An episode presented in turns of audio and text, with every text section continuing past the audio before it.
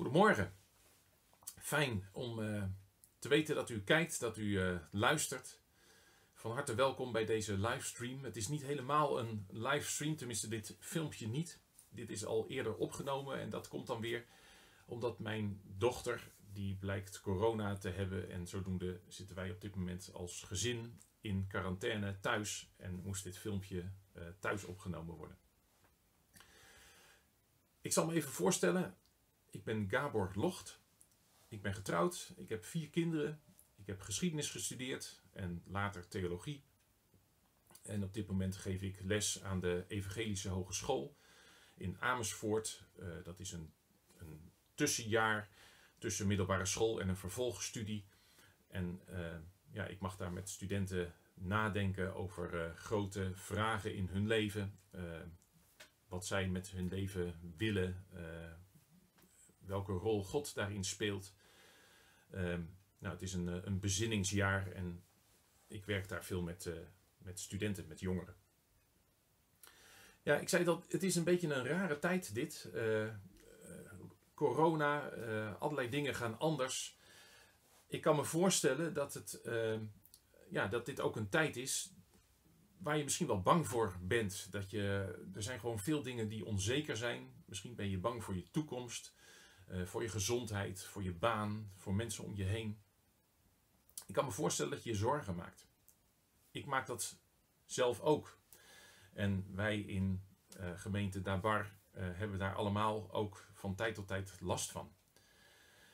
Ehm, toch aan de andere kant geloof ik ook dat, ehm, dat er een God is die voor ons zorgt en dat we ons uiteindelijk ten diepste niet echt zorgen hoeven te maken, omdat Hij voor ons zorgt. Ik vind dat zelf een hele troostvolle, een, een hele ja, fijne gedachte om te weten dat er een God is die voor mij zorgt.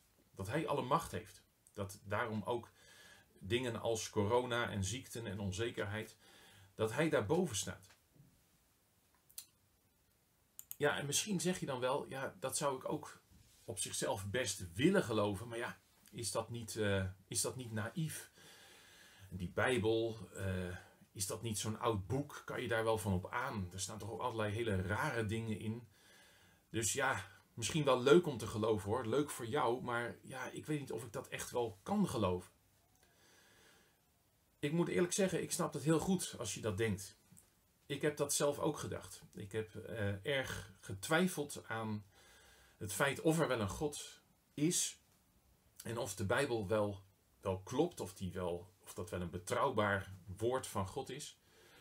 Um, bij mij is dat met name uh, gekomen door een jaar dat ik uh, doorbracht in Amerika. Ik mocht meedoen met een uh, uitwisselingsstudie. Um, en ik heb aan, zodoende een jaar gestudeerd aan Cornell University in de Verenigde Staten. en daar heb ik vooral dingen gedaan ja, op het gebied ook van, van theologie. Um, maar die universiteit, dat was een eh, universiteit waar uh, nou, de algemene sfeer was van, ja, eigenlijk is toch uh, God, ja, nou die, die bestaat toch niet echt. de Bijbel is toch vooral een menselijk boek. er staan toch allerlei fouten in.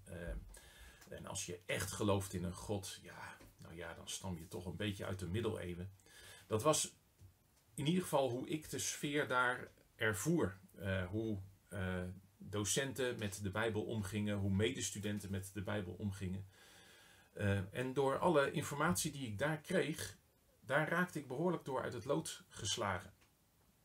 Ik dacht toen ook, ja, eh, ik ga niet meer bidden. Uh, dat was ik daarvoor wel gewend, maar dat deed ik niet meer, want ik dacht, ja, voor hetzelfde geld blijft mijn gebed bij het plafond hangen.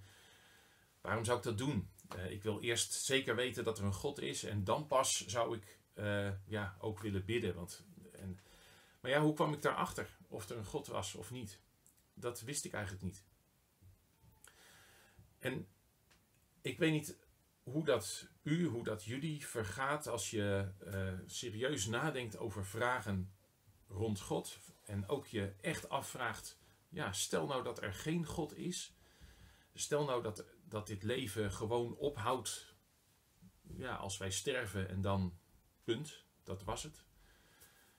Um, ik weet niet hoe, hoe dat u vergaat als je daarover nadenkt, maar bij mij zorgde dat voor heel veel sombere gedachten. Dat ik dacht, ja, als er daadwerkelijk geen God is, wat heeft, dan, wat heeft dit leven dan voor zin? Uh, is het dan echt zo dat het, dat het eigenlijk niet uitmaakt of je uh, probeert iets goeds te doen met je leven, of dat je uh, allerlei kwade dingen doet met dit leven? Iemand als, als moeder Teresa, die zette haar leven in voor, nou ja, voor, voor de, de, de, de zwakste in deze samenleving. Daar heeft ze haar hele leven voor gegeven. En iemand als Hitler, die, die deed er eh, de meest vreselijke dingen met zijn leven. Ja, is het nou zo dat je dan uiteindelijk moet zeggen: ja, uiteindelijk hebben ze geleefd en dan punt, dat was het. Het maakt niks uit wat je met je leven gedaan hebt. Ik werd daar ontzettend somber van. Uh, als dit leven alleen maar uh, door toeval bepaald wordt, dat wij hier zijn, gewoon alleen maar toevallig. We leven een poosje en daarna dan gaan we weer het grote niks in ja, wat heeft dan het leven voor zin? Wat, wat is dan uh, de waarde ervan? Dus ik kijk erop terug als een hele donkere periode, ook uh, in mijn leven moet ik eerlijk zeggen. En ik wist ook niet zo goed hoe ik daaruit moest komen. Ik uh, zag op een gegeven moment een film, Lola Rent, die was toen in de bioscoop en ik was nou, naar de bioscoop gegaan, ik zag die film en ehm, die zette mij aan het denken. Ehm, ik weet niet of u de film kent. Het is een Duitse film en het is een beetje een wonderlijke film. Hij begint met Lola, de hoofdpersoon, en die staat ochtends vroeg op, rent de trap af en uh, nou, zij doet allerlei dingen. Uh, maar na 20 minuten ongeveer in de film, dan wordt zij doodgeschoten. Hoofdpersoon in de film, doodgeschoten. Nou, na 20 minuten is dat niet zo gebruikelijk. Maar dan begint de film helemaal weer opnieuw. Met vrijwel exact dezelfde beelden als helemaal aan het begin. Lola staat weer op, rent de trap af. Alleen hele kleine details zijn dan anders. Ze kan net de straat oversteken. Um, omdat er een auto, ze kan nog net, net voor een auto nog net de straat over. Ze kan nog net een schuifdeur door, nou enzovoort. Kleine details zijn anders. En het hele verhaal blijkt dan de tweede keer helemaal anders te lopen. En na 20 minuten stopt de film weer en dan begint hij weer opnieuw. Nou, zo krijg je een aantal versies van van de geschiedenis zeg maar, voorgeschoteld. Ik denk dat de filmmaker zoiets wil duidelijk maken dat uh, nou, hele kleine details, uh, dat die ook uh, een verhaal enorm kunnen veranderen. Maar waar ik vooral over na aan denken was, toen ik terugliep uit de bioscoop naar huis, was, ja, hoe weet je nou, of kun je nou er ook achter komen of er één waar verhaal is? is er één uh, is een van de versies, uh, klopt die echt? Of zijn, zijn ze allemaal net zo niet waar? Of hoe kom je daar, ook, hoe kom je daar ooit achter? En ik dacht erover na, ook uh, rond de vragen die ik zelf had. Want ik dacht, ja, hoe kom ik nou achter wat het, het echte verhaal is rond God? Is dat wat hier de professoren zeggen? maar ja, hoe zeker is dat? Aan de ene kant kun je zeggen, wetenschap is best uh, zeker. Uh, is, daar is men goed aan het nadenken. Maar aan de andere kant, je weet ook zeker dat uh, kennis weer veroudert. Als je nu naar de universiteit gaat en je vergelijkt dat met wat men 50 jaar geleden op de universiteit bracht, dan zijn daar heel wat veranderingen in. Want er is steeds een voortschrijdend inzicht. Dingen veranderen. Er wordt anders tegen dingen aangekeken. Dus ook die kennis die verandert steeds. Het is niet een soort vaste waarheid. Nee, er is uh, constant ook weer zijn er nieuwe inzichten. Dus hoe zeker is dat? Dat vond ik lastig. Uh, ja, en hoe, hoe bepaal ik dat, dat zij dan echt uh, gelijk hebben en dat de Bijbel inderdaad maar een menselijk boek is enzovoort? ik wist het niet. Maar ik dacht toen wel, als het zo is dat er een God is. En als het zo is dat die God zich geopenbaard heeft in de Bijbel, dus als het zo is dat wat in de Bijbel staat waar is, dan is die God een God die een persoon is, die, die persoonlijk contact wil met mensen. Dan is het niet een onpersoonlijke macht. dan is God niet een onpersoonlijke macht, maar dan is God een, een levende God die contact wil met mensen. En toen dacht ik, ja, als dat zo is, dan is het in ieder geval logisch om wel te gaan bidden. Om contact te zoeken met die God. En dat heb ik toen gedaan. Ik ben toch maar weer gaan bidden op het risico af dat wat ik bad, dat dat bij het plafond bleef uh, hangen. Uh, ik ben dus weer gaan bidden en dat veranderde bij mij iets. Ik kan dat niet zo goed omschrijven. Dat is lastig om dat precies over te brengen op u, maar ik, uh, het, het zorgde er bij mij voor dat ik eigenlijk er, ja, dat ik besefte dat ik diep van binnen ervan overtuigd was dat er een God is. Dat ik het eigenlijk wist. Ik kan het zo zeggen, het voelde bijna als liegen als ik zou zeggen, ja maar er is geen God.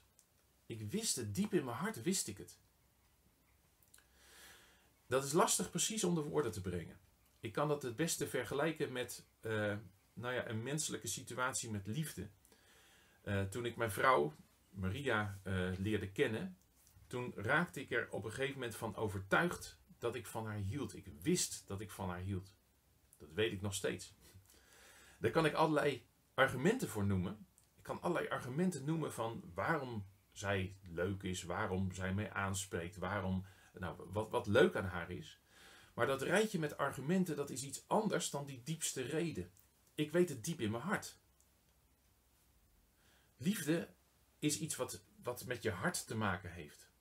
En ik kan wel allerlei argumenten noemen, maar nou ja, wat in je hart gebeurt, dat gaat dieper. Nou, zo ook ongeveer. Zoiets gebeurde bij mij toen ik weer ging bidden. Ik wist diep in mijn hart, ja, maar er is een God. Ik, ik kan dat eigenlijk niet ontkennen. Maar ja, ik zat nog steeds met uh, allerlei vragen die ik rond de Bijbel had. Dingen die niet leken te kloppen, die, uh, waar fouten in de Bijbel stonden enzovoort. En daar zat ik nog steeds mee. Nou, die dingen ben ik gaan uitzoeken. Ik dacht, dan wil ik het ook. Ik wil niet mijn kop in het zand steken. Ik wil, ik wil weten waar ik aan toe ben. En die ben ik vervolgens gaan uitzoeken. En eigenlijk bij al die vragen die ik had, daar kwam ik er steeds achter dat toen ik ze goed ging uitzoeken, ja, dat er ook hele overtuigende redenen waren om te zeggen wat in de Bijbel staat klopt wel. Veel van de argumenten die men naar voren bracht, uh, nou, die ik daar ook aan de universiteit hoorde, uh, nou, daar bleken hele goede andere uh, verklaringen voor te zijn door andere professoren die wel in God geloofden, die wel in de Bijbel geloofden, die ik eigenlijk overtuigender vond. Nou goed, uiteindelijk, om een lang verhaal kort te maken, dat heeft bij mij ertoe geleid dat ik uh, al die vragen die ik ben gaan uitzoeken, heeft tot dit boekje geleid, die, uh, nou, waarvan u de kaft ook op de folder hebt uh, gezien. waarbij ik nou ja, de, de vragen die, en de antwoorden die ik zelf op de vragen heb gevonden, heb nou, proberen uit te werken. En ik hoop dat nou ja, lezers daar iets aan hebben. Dat voelt een beetje gek dit, want het voelt een beetje nu als een soort reclame maken voor een boek. Ehm, nou, ik vind het toch even prettig om misschien te noemen.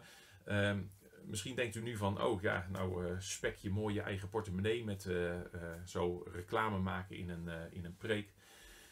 nou, dat is niet zo. De opbrengst van dit boek gaat naar Bijbelverspreidingswerk. Dat komt niet in mijn portemonnee terecht. Ehm, ik wil heel graag dat mensen in contact komen met God en met de Bijbel. En het gaat mij niet om mijn inkomsten. Maar goed, Staan er dan geen rare dingen in de Bijbel? Uh, zijn er geen dingen in de Bijbel waarvan je eigenlijk zou zeggen, ja, maar wetenschappelijk gezien kunnen die gewoon niet? Die zijn toch eigenlijk onzin om te geloven? Nee, ik geloof dat niet. Uh, maar daarvoor is het goed om even uh, te kijken naar wat wetenschap precies kan. En wat je met wetenschap precies wel en niet kan. Laat ik een voorbeeld geven. Ik heb hier een kist. En in deze kist zit bij ons thuis, daar werd onze Duplo voorraad in bewaard. Het is een, uh, hij gaat zo open. Een Duplo, u kent het waarschijnlijk wel, dit soort poppetjes. Nou, ik heb vier kinderen En zodoende ook uh, werd er bij ons thuis is er behoorlijk met Duplo gespeeld. En deze kist zat helemaal vol met Duplo. En dan wil ik u even vragen, probeer u eens even voor te stellen dat die Duplo poppetjes in die kist, dat die leven. Dat ze hun eigen Duplo wereld hebben. Het zijn, uh, ze kunnen met elkaar praten, ze kunnen met elkaar spreken, ze kunnen allerlei dingen doen. Bijna dezelfde dingen als die wij in onze mensenwereld kunnen doen. Alleen het enige wat ze niet zo makkelijk kunnen doen, is dat uh, ze kunnen niet zo makkelijk verplaatsen. Dus als ze één keer onder in de kist zitten, dan komen ze niet zo makkelijk weer boven. En uh, dus dat kan allemaal niet zo, niet zo makkelijk. Nou, stel nou even dat die Duplo poppetjes bovenin die kist, dat die allerlei dingen meemaken. En die zodanig zelfs dat zij zeggen, ja, wij geloven dat er leven buiten deze kist is. Af en toe gebeuren er namelijk vreemde dingen. Dan uh, zien we opeens allerlei lichtflitsen aan de hemel. Is het net alsof, alsof er een soort uh, ja, iets open gaat. Dan zien we allerlei grijpende handen. Uh, we, we, maken ook, sommige van die poppetjes maken van alles mee. En ze weten eigenlijk wel zeker, ja, er bestaan buiten de kist, bestaan er mensen. Daarvan zijn ze overtuigd. Ze komen met allerlei verhalen thuis. Uh, sommigen die zijn een poosje weg geweest. Die komen dan weer terug en die zeggen, ja, wij hebben van alles meegemaakt. We, zijn, uh, uh, we hebben ergens in bad gezeten. En iemand anders die komt terug met een verhaal dat hij, ehm, dat hij ergens achter een bank gelegen heeft. En toen kwam er op een gegeven moment een grote, een grote slang. Die, die zoog ja, allerlei lucht naar binnen. En toen vloeps was hij opeens weg.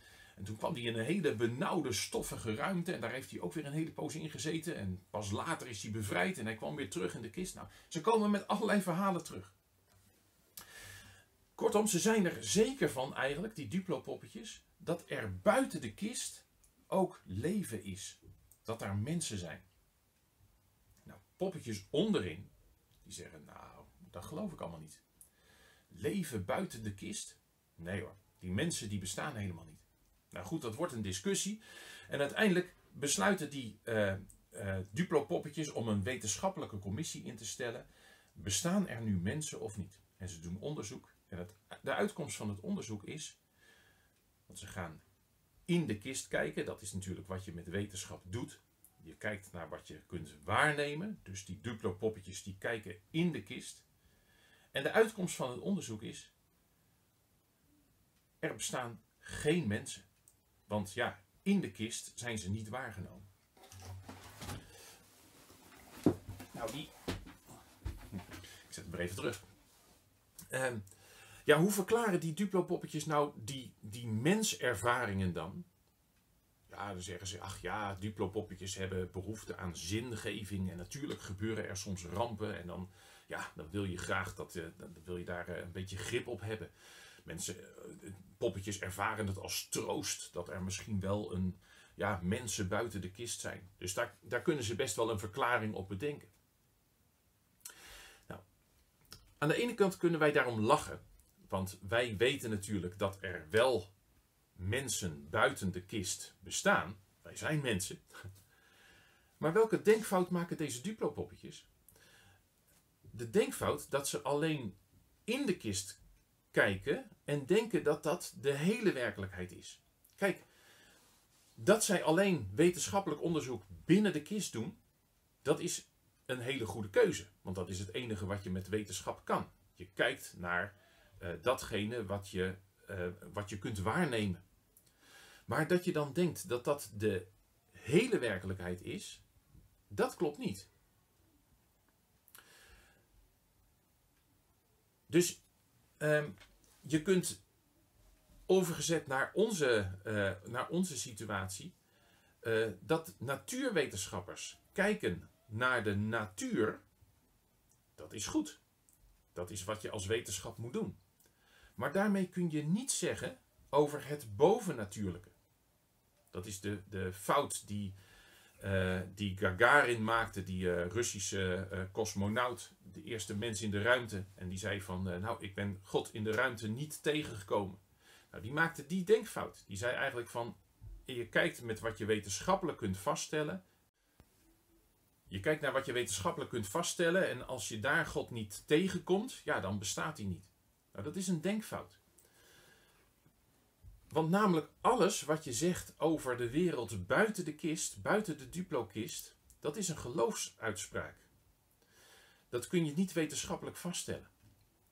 Als iemand dus zegt dat er geen God is, dus dat er niks buiten de kist is, prima, dat mag hij natuurlijk, die overtuiging mag hij hebben. Dat mag hij geloven. Maar hij kan niet zeggen dat dat wetenschappelijk is vastgesteld. Want wetenschap kan niks zeggen over buiten de kist. Nou, de Bijbel die vertelt dingen over binnen de duplokist, binnen onze wereld. Maar de Bijbel vertelt ook dingen over buiten de duplokist. Over het bovennatuurlijke, de wereld van God, van engelen, van, van demonen, van boze machten. Als wij dan zeggen, ja kijk, alleen alles wat in de kist gebeurt, dat is waar, dan maken we een, een denkfout. De Amerikaanse filosoof Plantinga die heeft daar een leuke vergelijking mee gemaakt. Hij zegt, stel dat je na een feestje je huissleutel kwijt bent en je gaat dan in, het donker zoeken bij een lantaarnpaal. Dus het is helemaal donker, jij komt ja, thuis, je gaat zoeken en je gaat alleen maar onder de lantaarnpaal zoeken. En stel nou dat iemand je dan zou vragen, waarom ben je nou onder die lantaarnpaal aan het zoeken? Uh, weet je zeker dat je hem hier verloren hebt? En je zou dan antwoorden, ja, hij moet hier wel liggen, want dit is de enige plek waar ik kan zien. Ik hoop dat je ziet dat dat een denkfout is. Als alleen onder de lantaarnpaal kun je zien, maar die sleutel hoeft natuurlijk daarom niet onder die lantaarnpaal te liggen. Alleen in de kist kan een duplopoppetje wetenschap doen, maar dat hoeft niet te betekenen dat er buiten de kist geen mensen zijn. Alleen over de natuur kunnen wij wetenschap doen. Maar dat hoeft niet te betekenen dat er geen bovennatuurlijke is.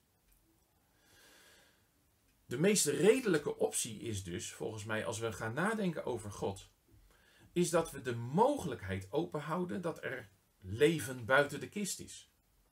Dat er een bovennatuurlijke God zou kunnen zijn. Toch? Dat is de meest redelijke optie. We kunnen daar niks met, met zekerheid, tenminste in de zin van wetenschappelijke zekerheid, kunnen we daarover zeggen. Dus we kunnen de, de, het meest redelijk is om de optie open te houden. Nou, met die gedachte in het achterhoofd zou ik je willen vragen om eens even mee te denken over een van de grootste wonderen die er in de Bijbel beschreven staan. Namelijk dat Jezus weer levend is geworden. Dat hij gestorven is, maar ook is opgestaan. Dat hij uit de dood weer levend is geworden. Nou, dat is het grootste wonder wat er beschreven staat in de Bijbel. En van daaruit zou ik je even willen vragen om daarin mee te denken. Want misschien zeg je, ja, nou ja, iemand die dood is en dan weer levend wordt, dat kan natuurlijk niet. Nou, wacht even. Dan gaan we misschien te snel. Uh, binnen de duplokist, binnen wat er normaal gesproken gebeurt, binnen wat er binnen de natuur zichtbaar is, ja, vinden we dat inderdaad niet. Iets wat dood is, wordt niet meer levend. Maar uh, als er daadwerkelijk leven buiten de duplokist is, dan is het niet bij voorbaat onmogelijk. Toch? Ik bedoel, als er buiten wat wij kunnen zien een God zou bestaan die het leven gemaakt heeft, dan is het niet onmogelijk dat die God binnen onze duplokist af en toe iets doet, een wonder doet. En als het zo is dat er een almachtige God is, buiten de, dus die wij niet kunnen zien, buiten de kist, ja, dan is het niet zo gek om te denken dat die God een wonder kan doen. Dat is niet onredelijk om te denken. Oké, dan even, dan denken we even verder daarop door. Uh, laten we dan eens kijken naar wat er volgens de Bijbel binnen de duplokist gebeurd is. Wat voor, zeg maar, rond de opstanding van Jezus. Wat, wat is er dan, wat staat er beschreven? Nou, er zijn heel veel ooggetuigen. Uh, Paulus, een van de eerste christelijke leiders, die schrijft een brief aan de gemeente in Korinthe in uh, Griekenland. En daarin somt hij een aantal mensen op aan wie Jezus allemaal verschenen is nadat hij is uh, opgestaan. Dus nadat hij weer levend is geworden. Hij noemt dan allerlei mensen. die noemt hij bij name. Hij noemt een groep van 500 mensen aan wie uh, de Heer Jezus is verschenen. Nou, er waren allerlei contacten tussen de gemeente in Korinthe en de gemeente in Jeruzalem. Waarschijnlijk waren er familiebanden, er gingen handelaren heen en weer enzovoort. Dus het was niet heel erg ingewikkeld voor mensen in Korinthe om dat na te kunnen vragen bij de mensen die Paulus noemt.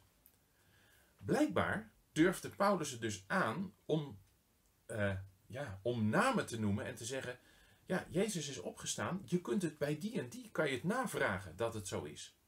Nou, dan moet je wel zeker zijn van je zaak. De, de verslagen die we in de evangeliën hebben, de evangeliën zijn de boeken in de Bijbel waarin het leven van de Heer Jezus wordt beschreven. Uh, die, die verslagen komen over als ooggetuigenverslagen. Kijk, stel even, stel dat jij en ik samen een of ander gek verhaal de wereld in willen helpen. En we weten dat we ondervraagd gaan worden. Wat doen we dan? Dan stemmen we ons verhaal op elkaar af, toch? Dan gaan we met elkaar afspreken van, uh, nou, we gaan het precies zo vertellen, uh, deze, deze gegevens. Eh, die, noemen we allemaal. Dan zou het verhaal precies allemaal met elkaar overeenstemmen. Dat is niet wat je in de evangelie vindt. Misschien ken je de film uh, de, Das Leben der Anderen. Een, mooie Duitse film. En uh, daar gaat het over een, uh, een, medewerker van de veiligheidsdienst in voormalig Oost-Duitsland. En die zegt dan ergens in de film, hij is dus medewerker van de Stasi, hij moet mensen bespioneren. En dan uh, heeft hij het over verhoren van mensen. En dan zegt hij: Wanneer weet je dat mensen liegen? Dat is wanneer ze woordelijk, dus exact, elke keer hetzelfde zeggen. Dan is het een uit het hoofd geleerd verhaal. Dan is het niet, een, uh, dan is het niet echt gebeurd, maar dan is het uit het hoofd geleerd. Dan is het bedacht. Nou, als je die meetlat naast de evangelie legt, dan blijkt dat er in de evangelie juist allerlei kleine detailverschillen zijn die soms best lastig precies in elkaar te passen zijn. Dat je, uh, het, is, het lijkt geen afgestemd verhaal. Om een voorbeeld te noemen, in het e-, ene evangelie, daar wordt genoemd dat toen de Heer Jezus opstond, dat het nog donker was buiten, dat het nog nacht was. In een andere evangelie lees je dat het al net dag begon te worden. Uh, ja, waarschijnlijk uh, bedoelen ze uh, allebei hetzelfde. Dat het waarschijnlijk aan het schemeren was. Dus net op de grens van, van nou ja, dat het licht werd. Maar hun woordgebruik hebben ze duidelijk niet op elkaar afgestemd. Nou, zo zijn er allerlei details die, die je in de evangelie tegenkomt. Die, die, uh, waaruit blijkt dat, ze, dat, dat er verschillen zijn, kleine verschillen. Waardoor je merkt van hé, hey, dit komt uit verschillende bronnen. Dit zijn ooggetuigenverslagen. Um, die verslagen komen ook heel eerlijk over. De eerste getuigen van de opstanding waren bijvoorbeeld steeds vrouwen.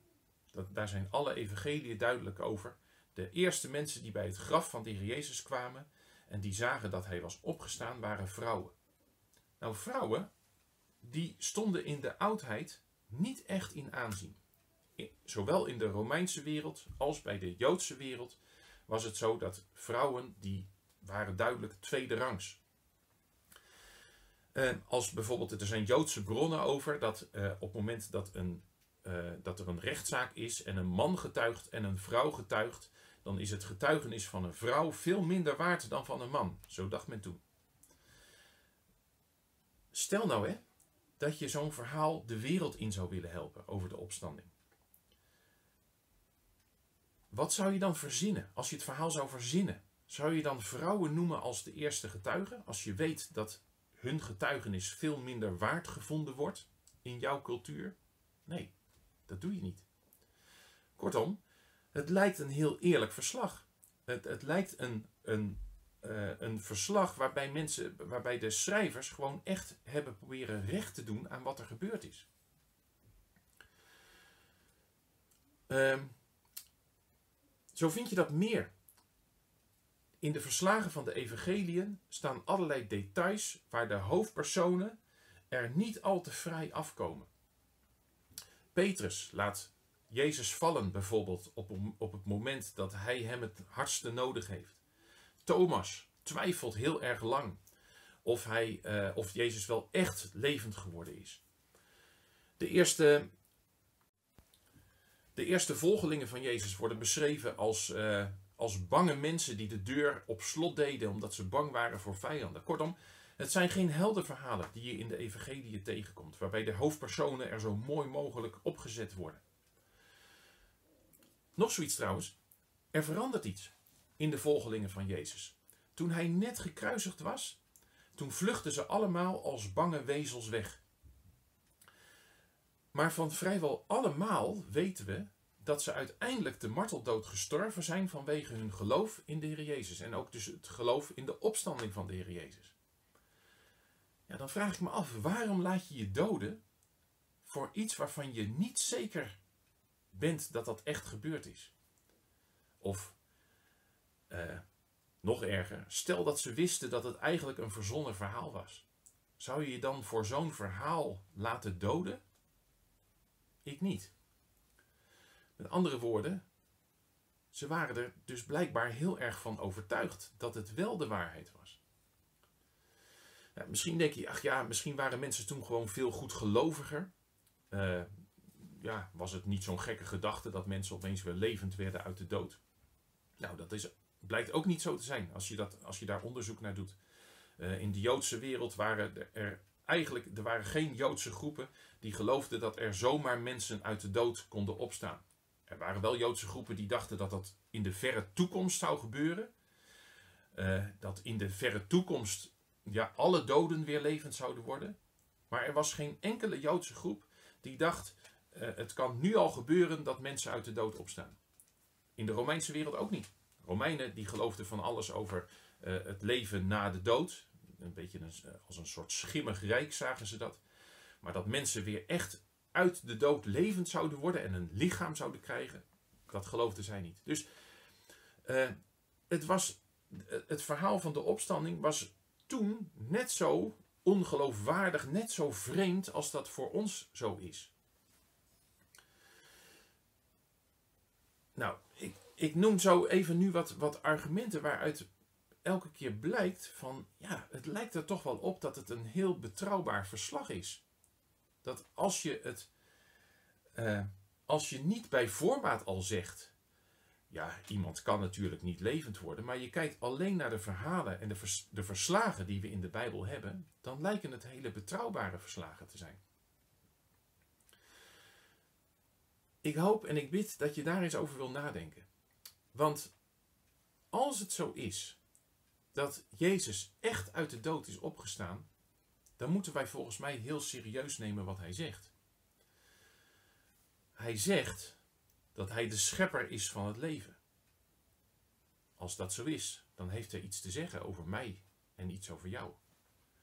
Hij zegt dat hij de weg is naar God toe. Dat is niet onbelangrijk als hij daar gelijk in heeft. Hij heeft gezegd hoe wij met elkaar moeten omgaan. Uh, hij heeft gezegd dat wij daar ontzettend vaak in tekortschieten. En misschien heb je dat zelf ook wel in je leven gemerkt. Dat wij er maar vaak, al te vaak een puinhoop van maken. Dat relaties stranden. Dat we mensen ongewild pijn doen. Dat we altijd maar over anderen oordelen. En tegelijkertijd weten dat we zelf vaak dezelfde fouten maken. Dat we best vaak egoïstisch zijn. En hij heeft ook gezegd dat hij van ons houdt, ondanks die puinhoop. Dat hij wil herstellen wat wij hebben verknoeid. En dat hij dat wil doen als we naar hem toe gaan en vergeving vragen en erkennen dat hij de touwtjes van ons leven in handen mag hebben. Hij heeft gezegd dat hij uiteindelijk deze wereld weer zal herstellen. Als hij weer terug zal komen naar deze wereld. Dat er dan een wereld zal komen waar het goed is en waar geen ziekte meer zal zijn. Geen corona ook. Ik geloof dat. En dat is volgens mij niet naïef om te geloven. Omdat er volgens mij hele goede redenen voor zijn als je, ja, als je daar eerlijk over wil nadenken. Goed, als jij je nu afvraagt, wat nu, wat kan ik hier nou mee? Wat moet ik hier nu mee? Dan zou ik je willen uitdagen. Ga bidden. Net zoals ik gedaan heb. Zeg gewoon tegen God: Heren, als u er echt bent, wilt u mij dan overtuigen? Wilt u mij dat laten merken? Wilt u mij, ja, mijn hart overtuigen? En ga dan op zoek. Zoek christenen in je omgeving.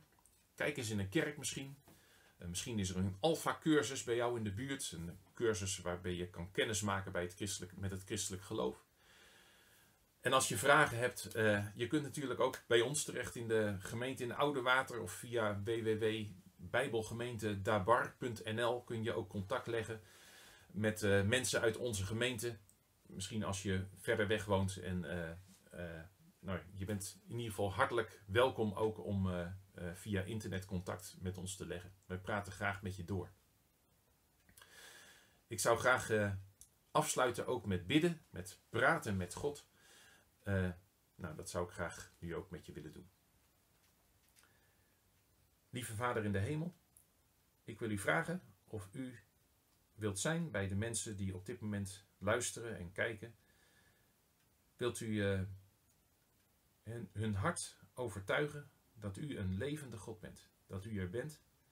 En dat als je op zoek gaat naar u en ook als je kritisch nadenkt over de Bijbel, over uw woord, dat dan mag blijken dat uw woord betrouwbaar is. Dat u er bent en dat u betrouwbaar bent. Heren, ik wil u vragen of u uh, een zegen wilt geven aan die mensen die op dit moment kijken of luisteren. En ja, of u hen wilt helpen als zij naar u op zoek gaan. Dat vraag ik u, heren, om Jezus wil. Amen. Nou, hopelijk uh, tot ziens.